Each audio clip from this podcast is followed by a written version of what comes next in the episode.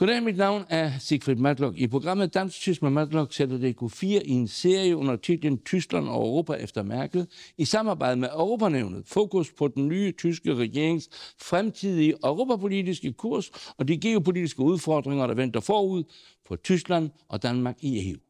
Med kompetente danske og tyske interviewgæster søger vi ikke mindst svar på spørgsmål om danskerne i 50 år efter vores medlemskab er parate til en udfordring om et endnu tættere europæisk samarbejde. Hvem kan bedre redegøre for Tysklands europapolitik end landets højeste repræsentant i Danmark, den nye botschafter Pascal Hector. Ambassadøren har, må man vel sige med diplomatisk forsigtighed, fået en drømmestart. Umiddelbart efter hans tiltræden ledsager han dronningen på hendes anden statsbesøg i Tyskland sammen med kronprinsen. Tysklands ambassadør er europæer fra barnsben. Han er født i 1962 i Saarbrücken i den tyske delstat Saarland, som har nabogrænser til Luxembourg og Frankrig, og som har en omskiftelig tysk-fransk historie. Saarland blev efter en folkeafstemning i 1955, som gav et stort tysk flertal, dog først vesttysk delstat i 1957.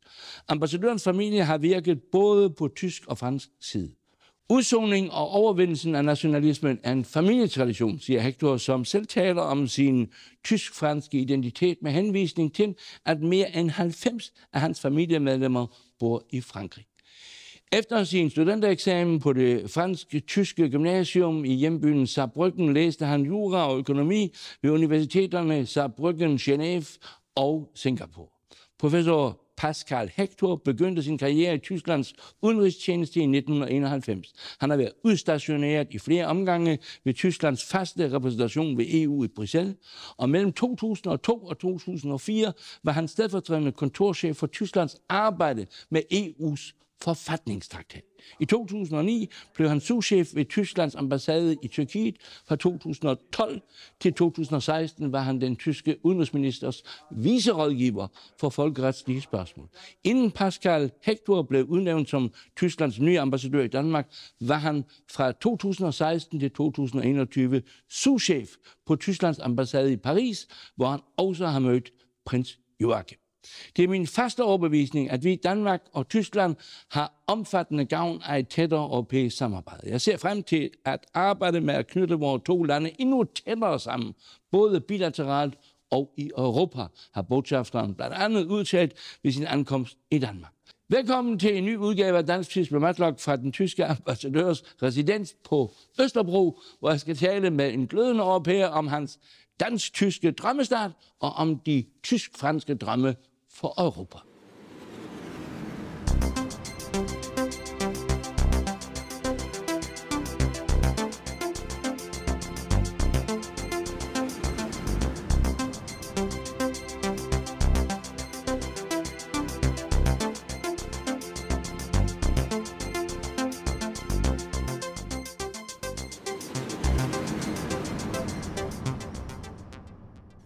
Botschafter Hector, Sie haben ja äh, kurz nach Ihrem Amtsantritt einen Traumstart äh, gehabt, jedenfalls für einen deutschen Botschafter in, in Dänemark. Sie sind nämlich Ehrenbegleitung gewesen für Ihre Majestät und für den Kronprinzen beim, bei Ihrem zweiten Staatsbesuch äh, in äh, Deutschland. Äh, wie äh, bewerten Sie die deutsch-dänischen Beziehungen jetzt nicht nur rückblickend, sondern auch in der Gegenwart und natürlich auch Hoffnung Zukunft? Ja, das war in der Tat äh, ein Traumstart. Äh, da bin ich sehr froh darüber. Ich bin im Juli hier angekommen und im äh, Oktober äh, habe ich mein Beglaubigungsschreiben übergeben, Ihrer Majestät der Königin. Und im November war gleich äh, der Staatsbesuch, der erste seit 1974, äh, was ja doch immerhin eine lange Zeit ist. Damals war Heinemann noch Bundespräsident gewesen. Und ähm, es war wirklich sehr beeindruckend, Ihre Majestät äh, vier Tage lang begleiten zu dürfen, äh, weil äh, Ihre Majestät eine außergewöhnlich beeindruckende Persönlichkeit ist. Äh, man ähm, merkt ihr eben an, diese, diesen Geist und die Tatsache, dass sie ja auch viel in äh, Künstler, im künstlerischen Bereich tätig ist. Äh, und es ist wirklich sehr inspirierend, mit ihr zusammen zu sein. Und äh, bei diesem, dieser Staatsbesuch war er auch sehr erfolgreich, auch wirtschaftlich gesehen. Äh, der Kronprinz hat sich vor allem um die ähm, Wirtschaftsdelegation gekümmert. Es waren sehr viele Firmen, ich glaube über 50 Firmen, äh, dänische Firmen, die daran beteiligt waren. Und äh, es wurden einige Verträge, der Firmenverträge unterzeichnet. Es gab eine eigene Zeremonie dafür. Also es war ein rundum gelungener Staatsbesuch und ein wirklich schöner Einstieg. Und insgesamt sind die deutsch-dänischen Beziehungen ja im Moment äh, auf einer wirklich in einer wirklich besonderen Phase. Sie wissen ja, dass wir im Jahr 2020 das äh, deutsch-dänische Freundschaftsjahr gefeiert haben. Ähm, 100, äh, 100 Jahre nach äh, 1920, nach der Grenzziehung. Und ähm, die, diese Ereignisse, die damals stattfinden sollten, konnten jetzt teilweise nicht 2020 stattfinden, mussten dann auf 2021 verschoben werden. Aber äh, da haben sie dann stattgefunden. Äh, ich ernenne nur die deutsch-dänische Freundschaftserklärung, ausgearbeitet von ja. den Außenministern. Ja äh, noch damals noch äh, Maas und, äh, und Jeppe Kofod und, dann, äh, und der Besuch des Bundespräsidenten. Ich wollte gerade sagen, der Bundespräsident nahm ja teil an dieser Genforeningsreise durch, durch, durch Sonderjüland, was ja auch ein, ein, ein großes äh, äh, symbolisches Werk war der deutsch-dänischen Verständigung. Botschafter, das ist sozusagen auch der Stand heute. Ich will darauf zurückkommen, dass Sie ja jetzt in, in, in Dänemark äh, auch mit einem, es mit einem deutsch-dänischen Grenzland zu tun haben, das äh, Gott sei Dank äh, für uns alle äh, äh so befriedet ist. Äh, sie kommen aber selbst aus einem Grenzland, nämlich aus dem deutsch-französischen Grenzland, nämlich aus dem Saarland. Und wenn ich auf die Geschichte schaue und ich vergleiche mit der Geschichte Nordschleswigs und Südschleswigs, dann ist es ja so, dass die ersten Schritte zur Versöhnung, die wurden ja mit den Bonn-Kopenhagener Erklärungen und mit der deutschen, äh, westdeutschen NATO-Mitgliedschaft 1955 äh, äh, durchgeführt, während das Saarland, also in dem Bundesland, in dem Sie ja gelebt haben, das Saarland erst 1957 als, als äh, westdeutscher Bundesstaat äh, aufgenommen wurde. Äh, gibt es mit dem Hintergrund, den Sie haben aus dem Saarland, auch heute, Gibt es da irgendwelche historischen Parallelen oder gibt es vor allem europäische Perspektiven in diesen beiden Grenzländern? Ja, in der Tat. Die, Parallel, die Parallelen zwischen dem Saarland und der deutsch-dänischen Grenzregion sind verblüffend. Äh, auch wenn man länger zurückgeht, weil äh, geht ja letztlich zurück im Saarland bis auf den Krieg von 1870 und ähnliche Dinge. Also da gibt es wirklich sehr enge Parallelen. Auch dieses Hin und Her, dass man eine Zeit lang zu dem einen äh, Land gehört hat, eine Zeit lang zu einem anderen Land gehört hat, äh, das gibt es in unserer Region sehr viel. Auch in Ihrer Familie. Auch in meiner Familie. Genau. Ja. Und äh, das ja. Schöne ist eben heute, dass das heute alles überwunden ist und dass das innerhalb Europas äh, in einem, unter einem großen Dach äh, sich wiederfindet. Ein Dach, das uns alle schützt und unter dem wir uns äh, frei entwickeln können. Und ich glaube, gerade als jemand, der aus diesem Grenzgebiet äh, zum Saar, des Saarlandes zu Frankreich kommt, also Deutschland zu Frankreich kommt, äh, da kann ich auch einiges mitbringen für das Grenzgebiet äh, zwischen äh, Deutschland und Dänemark, zwischen Dänemark und Deutschland, weil man da eben sieht, wie man in einer doppelten Kultur äh, zu Hause ist, wie man aufwächst äh, in einer doppelten Kultur oder mit zwei Kulturen besser gesagt ähm, und äh, da natürlich eine viel breitere Perspektive auch entwickeln kann. Ähm, ich glaube, da kann man sehr viel voneinander lernen. Der Unterschied, den es gibt, also jetzt sage ich mal aus, aus, meiner Sicht, ist natürlich, dass es hier sich um zwei nationale Minderheiten handelt, während es äh, äh dort natürlich im Saarland äh, eine ganz andere Ausgangsposition gegeben hat. Will ich jetzt aber gar nicht vertiefen. Ich möchte auf etwas anderes äh, kommen. Sie sind ja, äh, ich weiß nicht, ob man, ob man sagen, Sie sind ein deutscher Beamter und, und dennoch sind Sie frankophil, äh, darf ich doch, ja. darf ich doch sagen. Ihre ganzen deutsch-französischen Wurzeln bezeugen das ja. Äh, Sie haben in einem äh, Interview mit der Saarbrücker Zeitung äh, einmal darauf hingewiesen, dass die Erzählung, die mehr äh, von diesem äh, deutsch-französischen Wunder, äh, Le Couple Franco-Allemand, dieses Traumpaar, dass das gar nicht der Realität so entspricht. Es ist keine Schönwetterbeziehung, sondern es ist mehr als nur dass Deutsche und Französische sich, sich, einigen können, weil es doch sehr viele Unterschiede gibt. Ist das korrekt? Ja, das ist absolut korrekt. Es ist keine Schönwetterbeziehung, sondern es ist eine ganz alltagstaugliche Alltags-Allwetterbeziehung, äh, die eben immer hält und äh, ja, seit äh, vielen Jahrzehnten jetzt hält und äh, die innerhalb äh, Europas eben als Motor wirkt. Und äh, man spricht ja oft vom deutsch-französischen Motor innerhalb der Europäischen Union. Und das äh, ist, äh, kommt nicht etwa daher, dass Deutschland und Frankreich immer einer Meinung seien. Genau. Ganz im Gegenteil. Ich will Ihnen mal das Geheimnis der deutsch-französischen Beziehungen verraten. Warum bitte ich? Ja. Äh, das ist, dass Deutschland und Frankreich im Ausgangspunkt in der Regel unterschiedliche Auffassungen haben, weil sie eben unterschiedliche Traditionslinien äh, Europas darstellen. Ganz vereinfacht gesagt, der Süden, der Norden, äh, wie man das so sagen kann. Und äh, deswegen, wenn man einen äh, Franzosen und einen Deutschen in äh, zwei getrennte Räume setzt und ein Problem lösen lässt, kann man sicher sein, dass der Vorschlag sehr unterschiedlich ausfallen wird. Aber, und das ist das Geheimnis, man bleibt da nicht stehen, sondern man nimmt das als Ausgangspunkt, um von dort aus dann eine gemeinsame Lösung zu entwickeln, einen Kompromiss.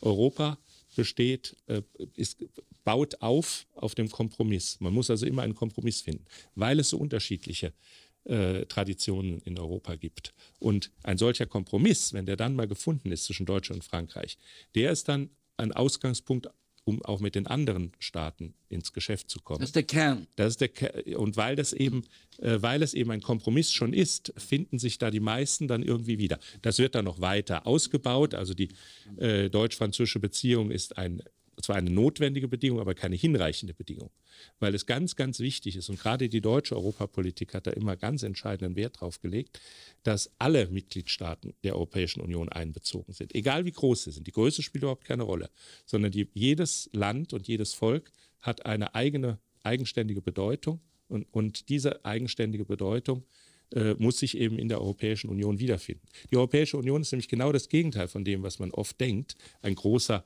zentralistischer Apparat, der alles gleich macht, sondern die Europäische Union ist das Gehäuse, in dem die verschiedenen Völker Europas ihre nationalen Eigenheiten leben können und aber in einem Schutz, geschützt vor der äußeren In einem äh, Recht. Ich, ich komme gleich äh, darauf äh, zurück, natürlich auch noch auf, auf die aktuelle äh, Situation. Ich möchte nur sagen, wenn ich mir die deutsch-französische äh, äh, Entwicklung anschaue und damit auch die europäische, dann war sie ja auch seit 1963, also dem Élysée-Vertrag zwischen Konrad Adenauer und de Gaulle, doch erheblichen Schwankungen unterworfen. Also der Motor ist auch ab und zu mal in Stottern gekommen. Äh, äh, jetzt kann man sagen, äh, äh, erlebt man ja wieder eine, eine, Blüten, eine Blütezeit der deutsch-französischen Beziehung. Äh, aber der Ansatz, Sie haben darauf hingewiesen, der Ansatz von Deutschen und Franzosen ist unterschiedlich.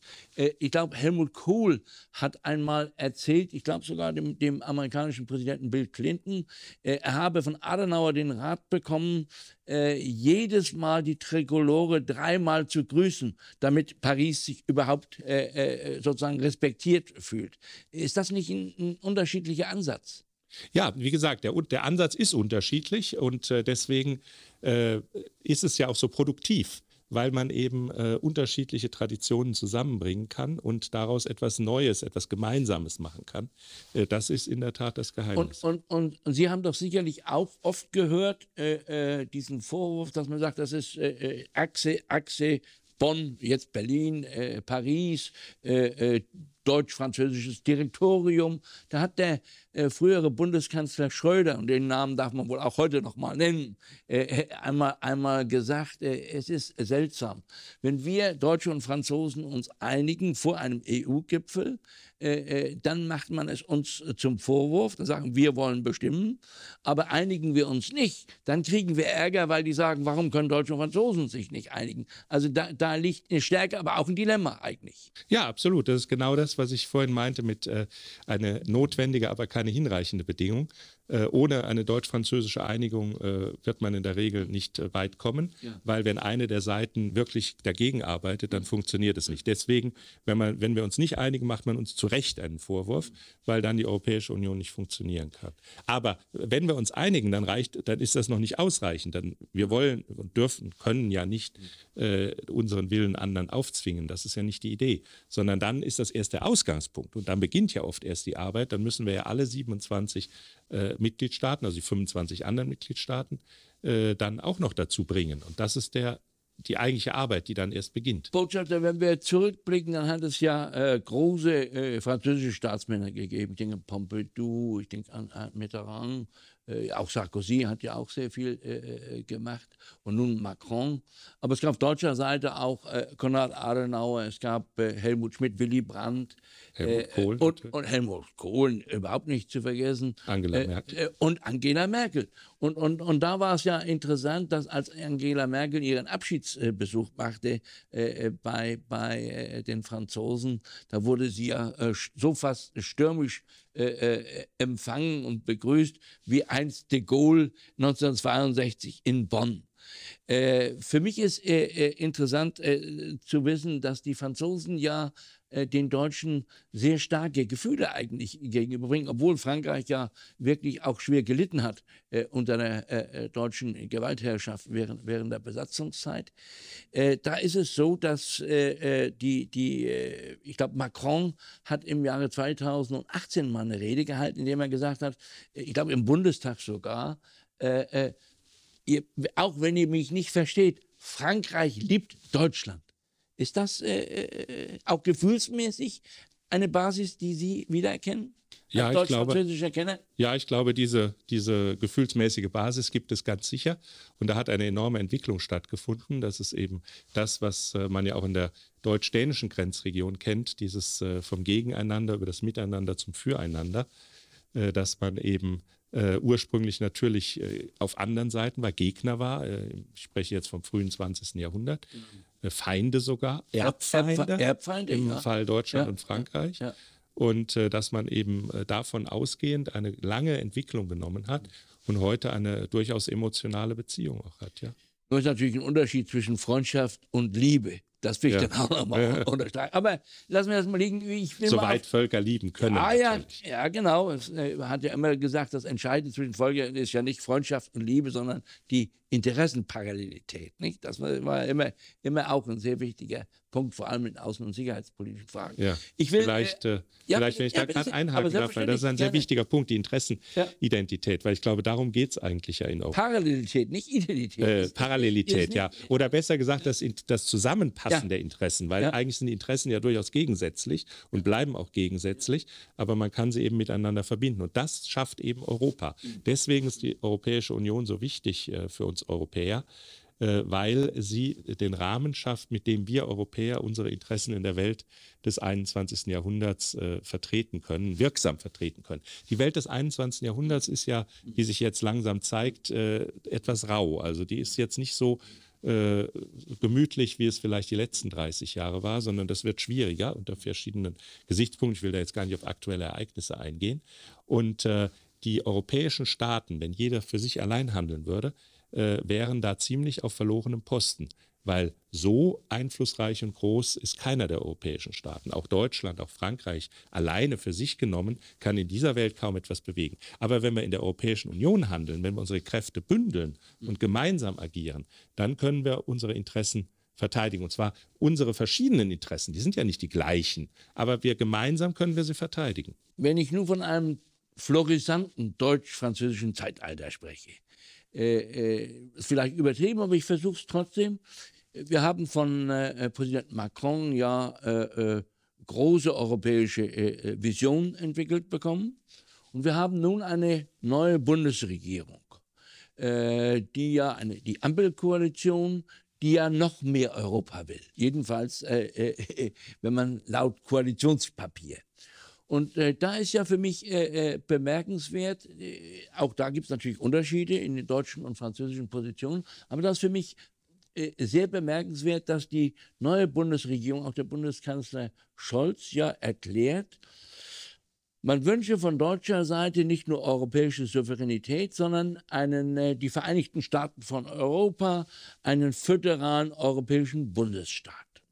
Äh, ich habe noch im Hinterkopf de Gaulle's Europa der Vaterländer, äh, sind sich wirklich Deutschland und Frankreich auf diesem finalen Weg einig? Ja, die, die, die, Finalität liegt ja sehr weit in der Zukunft. Also ich glaube, das ist jetzt äh, etwas, über das man trefflich streiten kann, äh, was dann am Ende wirklich äh, in am, am, Ende der Zeiten ist, das wird man dann sehen. Aber ich glaube, was wichtig ist, ist, dass man immer wieder weitere Schritte unternimmt, um sich dem Ziel dem anzunähern, wie immer das Ziel dann auch im Einzelnen aussehen mag. Und äh, deswegen ist es sehr wichtig, dass Präsident Macron schon mit seiner Sorbonne-Rede 2017 genau. die Initiative ergriffen hat und wichtige Vorschläge auf den Tisch gelegt hat. Diese Vorschläge muss man jetzt gemeinsam äh, aufnehmen, und zwar nicht nur gemeinsam deutsch-französisch, sondern gemeinsam mit allen Mitgliedstaaten der Europäischen Union. Und äh, dem dient ja die Zukunftskonferenz unter anderem und äh, äh wo man eben hört auch, was die Bürger davon halten. Und das alles muss man dann in eine, äh, in einen, ähm, eine zukunftsorientierte Bewegung äh, bringen, äh, damit man eben die Europäische Union weiterentwickelt. Weil die Europäische Union muss sich dauernd weiterentwickeln. Es geht jetzt gar nicht darum, äh, immer mehr Europa unbedingt zu machen, sondern es geht darum, ein Europa zu machen, das optimal angepasst ist an die jeweiligen Herausforderungen des Zeitalters. Und die Herausforderungen sind heute andere, als sie vor 10 oder 20 Jahren waren. Und wenn wir jetzt vorausdenken, die nächsten 10 oder 20 Jahre, wird sich das noch verstärken. Wir haben zum Beispiel heute ein viel höheres, höheren Bedarf an Sicherheitspolitik, ich als wir den früher hatten. Ja, äh, sicher. Äh, ich sprach äh, äh, mit, mit einem sehr anerkannten dänischen Redakteur, äh, Pierre Collignon, äh, dänisch-französisch, äh, äh, von, von Berlingske, äh, dem habe ich auch einmal äh, dies vorgelegt, was im, im Koalitionsvertrag äh, steht, mit, im, im, im, Hinblick auf die Zukunft Europas. Und er sagt, das ist alles heuchlerisch und das ist äh, heiße Luft. und die Deutschen sollten endlich mal Verantwortung übernehmen, sollen die, die Schatten der Vergangenheit überwinden und sie sollten dann auch, auch in Europa äh, nicht mehr ihre eigene Geschichte als Alibi benutzen. Was sagen Sie dazu? Naja, wir, äh, wir haben ja letztlich äh, aus dieser Geschichte, glaube ich, äh, sehr viel gelernt und äh, versuchen eben daraus äh, Lehren für die Zukunft zu ziehen. Wie diese Lehren dann jeweils aussehen in der jeweiligen Zeit, das muss man sich anschauen. Aber äh, ich glaube, wir haben da schon sehr gute Fortschritte gemacht und werden da eben in der Europäischen Union und mit durch die Europäische Union äh, auch weiter vorankommen. Aber das ist ja vielleicht auch einer ja. der Gründe, weshalb eben äh, Deutschland so äh, diese spezifische Haltung zur Europäischen Union hat, weil natürlich auf dieser Basis her äh, unserer Geschichte äh, der Nationalstaat natürlich äh, eine andere Bedeutung hat und eine ganz geringe, viel geringere Bedeutung hat als in vielen anderen Staaten. Deswegen ist es für uns natürlich wichtig. Und noch ein wichtiger mhm. Punkt, weil Sie sagten, föderaler Staat. Wir sind ja als, wir sind ja selber ein föderaler Staat. Das heißt, wir sind durchaus gewöhnt, äh, diese verschiedenen Ebenen staatlicher Gewalt, äh, die, das Bundesland, die Bundesrepublik Deutschland, die Europäische Union, äh, miteinander zu verbinden. Also für, für uns hat das vielleicht weniger äh, erschreckende Wirkung, als das äh, auf andere haben kann. Aber äh, wenn man es richtig betrachtet, dann sollte man auch nicht darüber erschrecken, weil es geht ja gar nicht darum, einen Zentralstaat zu schaffen, sondern es geht ja gerade darum, äh, diejenigen Kompetenzen, diejenigen öffentlichen Gewalten auf der Ebene auszuüben, auf der sie am besten ausgeübt werden können.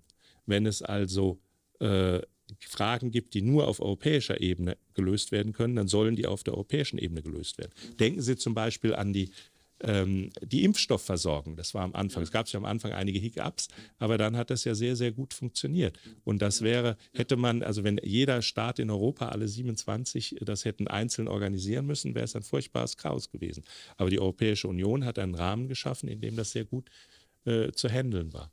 Äh, das ist nur ein kleines Beispiel dafür. Darf ich trotzdem nochmal zurückkommen auf dieses Koalitionspapier? Da steht auch drin, dass Deutschland äh, keinen, keinen wesentlichen Fortschritt in der Europäischen Union äh, zu machen wünscht, ohne dies mit Frankreich abgesprochen zu haben.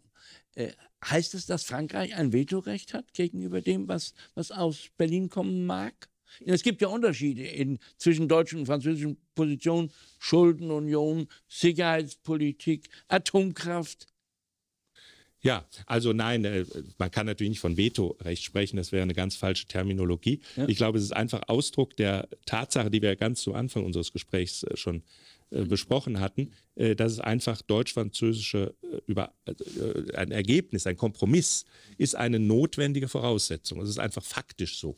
Ohne einen deutsch-französischen Kompromiss kommt man nicht voran. Weder kann äh, Frankreich ohne Deutschland äh, wesentliche Fortschritte in der Europäischen Union erzielen, noch Deutschland ohne Frankreich. Wenn Deutschland und Frankreich nicht zusammenarbeiten, dann geht es nicht voran. Also wir müssen, das ist, das ist keine, keine rechtliche Frage, also Vetorecht, also sondern das ist einfach eine faktische, das ist eher eine faktische äh, Sache. Man muss einfach äh, hier äh, zu einem Kompromiss kommen. Wir müssen die verschiedenen Traditionen Europas unter in eine Übereinstimmung bringen oder in eine Lösung bringen. Nur dann kann man vorankommen. Keine Tradition in Europa kann äh, etwas durchsetzen äh, gegen die anderen, sondern man kann das nur gemeinsam tun. Also eher ein Musketiereid. Ja, ich weiß, wie man das, äh, ob man ja, das so bezeichnen na, will. Gut. Aber da würde ich ja noch andere Musketiere dazu nehmen. Ja, das ist ja wahrscheinlich. Und, das waren ja auch vier. Na gut, und darauf, ich will dann nochmal darauf zurückkommen, auf das, was Sie eben gesagt haben, dass es natürlich äh, äh im Prinzip ja noch keine konkrete Zukunftsvision äh, gibt, weil man ja auch diese Zukunftskonferenz erst abwarten will. Nur sagen Sie dies mit, mit, mit, mit Europa, äh, dass man auch äh, äh sich wünschen könnte, ein, einen föderalen bundesstaatlichen Aufbau. Ich kann mir gar nicht vorstellen, dass, dass ein Land wie Dänemark, äh, das ja doch gewisse Skepsis äh, bisher gegenüber äh, der europäischen Entwicklung äh, entgegengebracht hat, in manchen Jahren. Jetzt spricht die Ministerpräsidentin ja davon, dass sie ihr Herz sogar für Europa einbringen will. Da wollen wir das mal abwarten, wie das, wie, das, wie, das, wie das Herz schlägt. Nicht?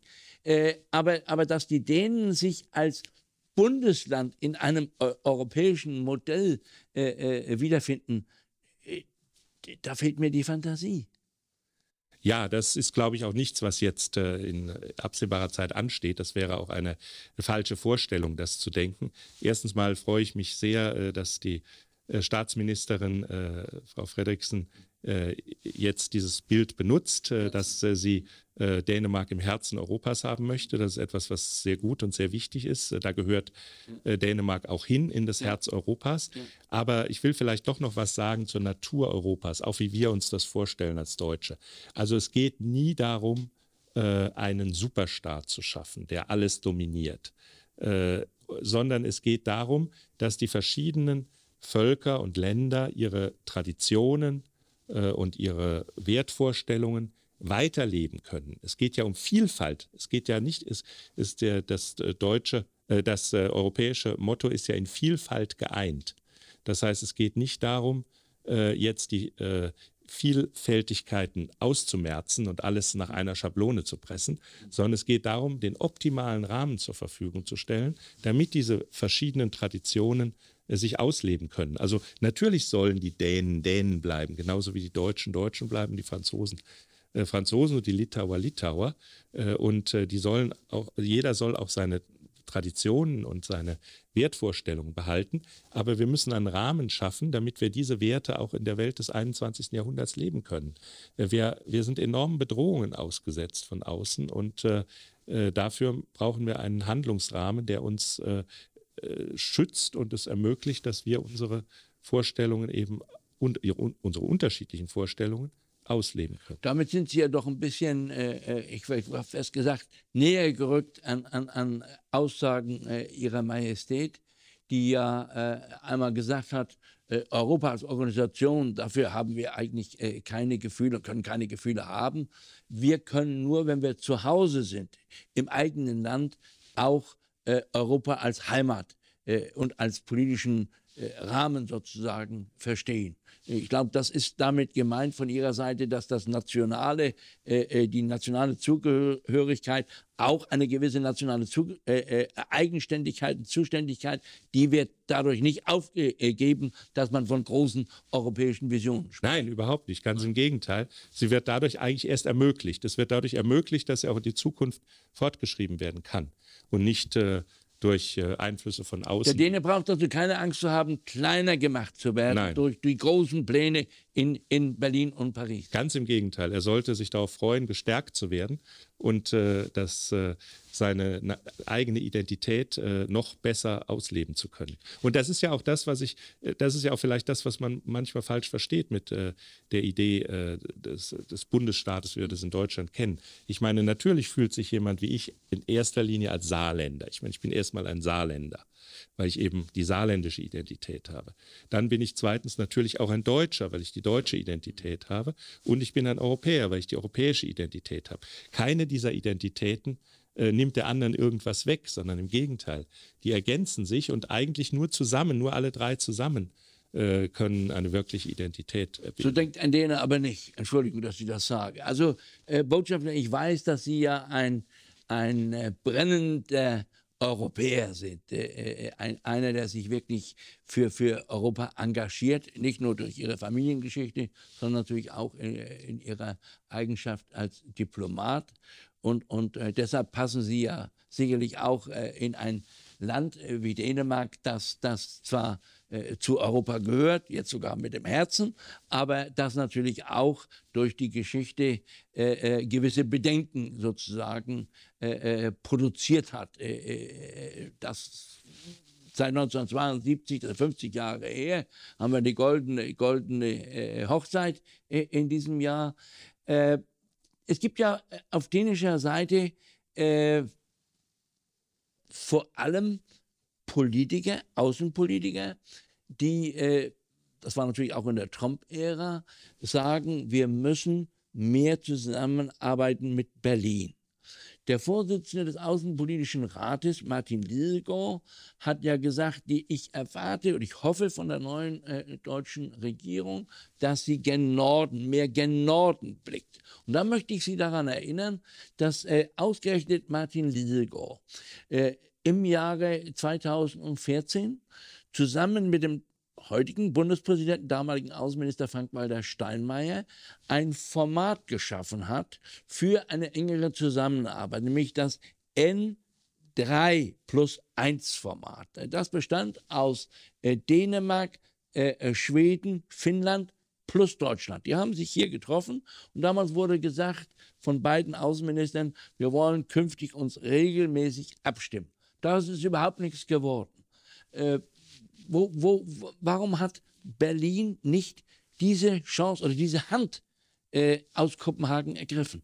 Ah, das würde ich nicht sagen, dass man nicht die Hand ergreift. Ich glaube, es gibt ja eine sehr enge äh, Zusammenarbeit und die soll natürlich auch noch enger werden. Es gibt eine sehr enge bilaterale Zusammenarbeit, es gibt eine sehr enge äh, Zusammenarbeit in der Europäischen Union, über die wir gerade sehr ausführlich gesprochen haben.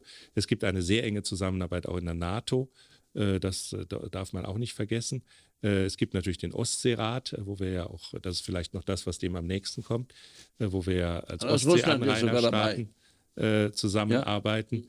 Äh, Im Arktischen Rat sind wir zumindest als Deutschland auch Beobachter. Äh, da ist natürlich Dänemark äh, in erster Linie als Akteur auch tätig, als arktischer Staat. Also es gibt sehr, sehr viele Formate der Zusammenarbeit und äh, wir wollen die Zusammenarbeit natürlich mit äh, den nordischen Ländern allgemein und insbesondere auch mit Dänemark äh, noch weiter intensivieren. Das steht ganz außer Frage. Ich glaube, das, das wird sicherlich in, in, in Kopenhagen auf, auf offene Zustimmung äh, stoßen. und es ist ja schön, dass, dass Länder wie Dänemark eben jetzt sagen, wir brauchen mehr Zusammenarbeit. Ja, wir freuen uns natürlich mit auch Deutschland, äh, auch übrigens auch, auch, auch unter sicherheitspolitischen äh, Aspekten. Ich will jetzt nur mal äh, zwei Stichworte nennen, ohne dass wir das vertiefen müssen: Ukraine und nicht zuletzt natürlich Grönland. Botschafter, ich will abschließend eine Anekdote erzählen äh, von Konrad Adenauer, weil die passt äh, auf, auf ihr Verhältnis äh, zu Europa und auf das Verhältnis der Dänen zu Europa. Äh, ein Mitarbeiter von äh, Konrad Adenauer hat einmal dem Kanzler gesagt, Herr Bundeskanzler, Sie können nicht erwarten, dass ich Ja und Amen zu allem sage, was Sie tun. Daraufhin hat Adenauer geantwortet, Sie brauchen nicht Amen zu sagen. Ich glaube, vielleicht ist das eine Anekdote, die auch das deutsch-dänische europäische Verhältnis widerspiegeln kann. Ich danke Ihnen für das Gespräch. Ja, vielen Dank. Aber wir sollten jedenfalls Ja zu alle, alle in der Europäischen Union sollten wir Ja zueinander sagen. Das stimmt. Vielen Dank.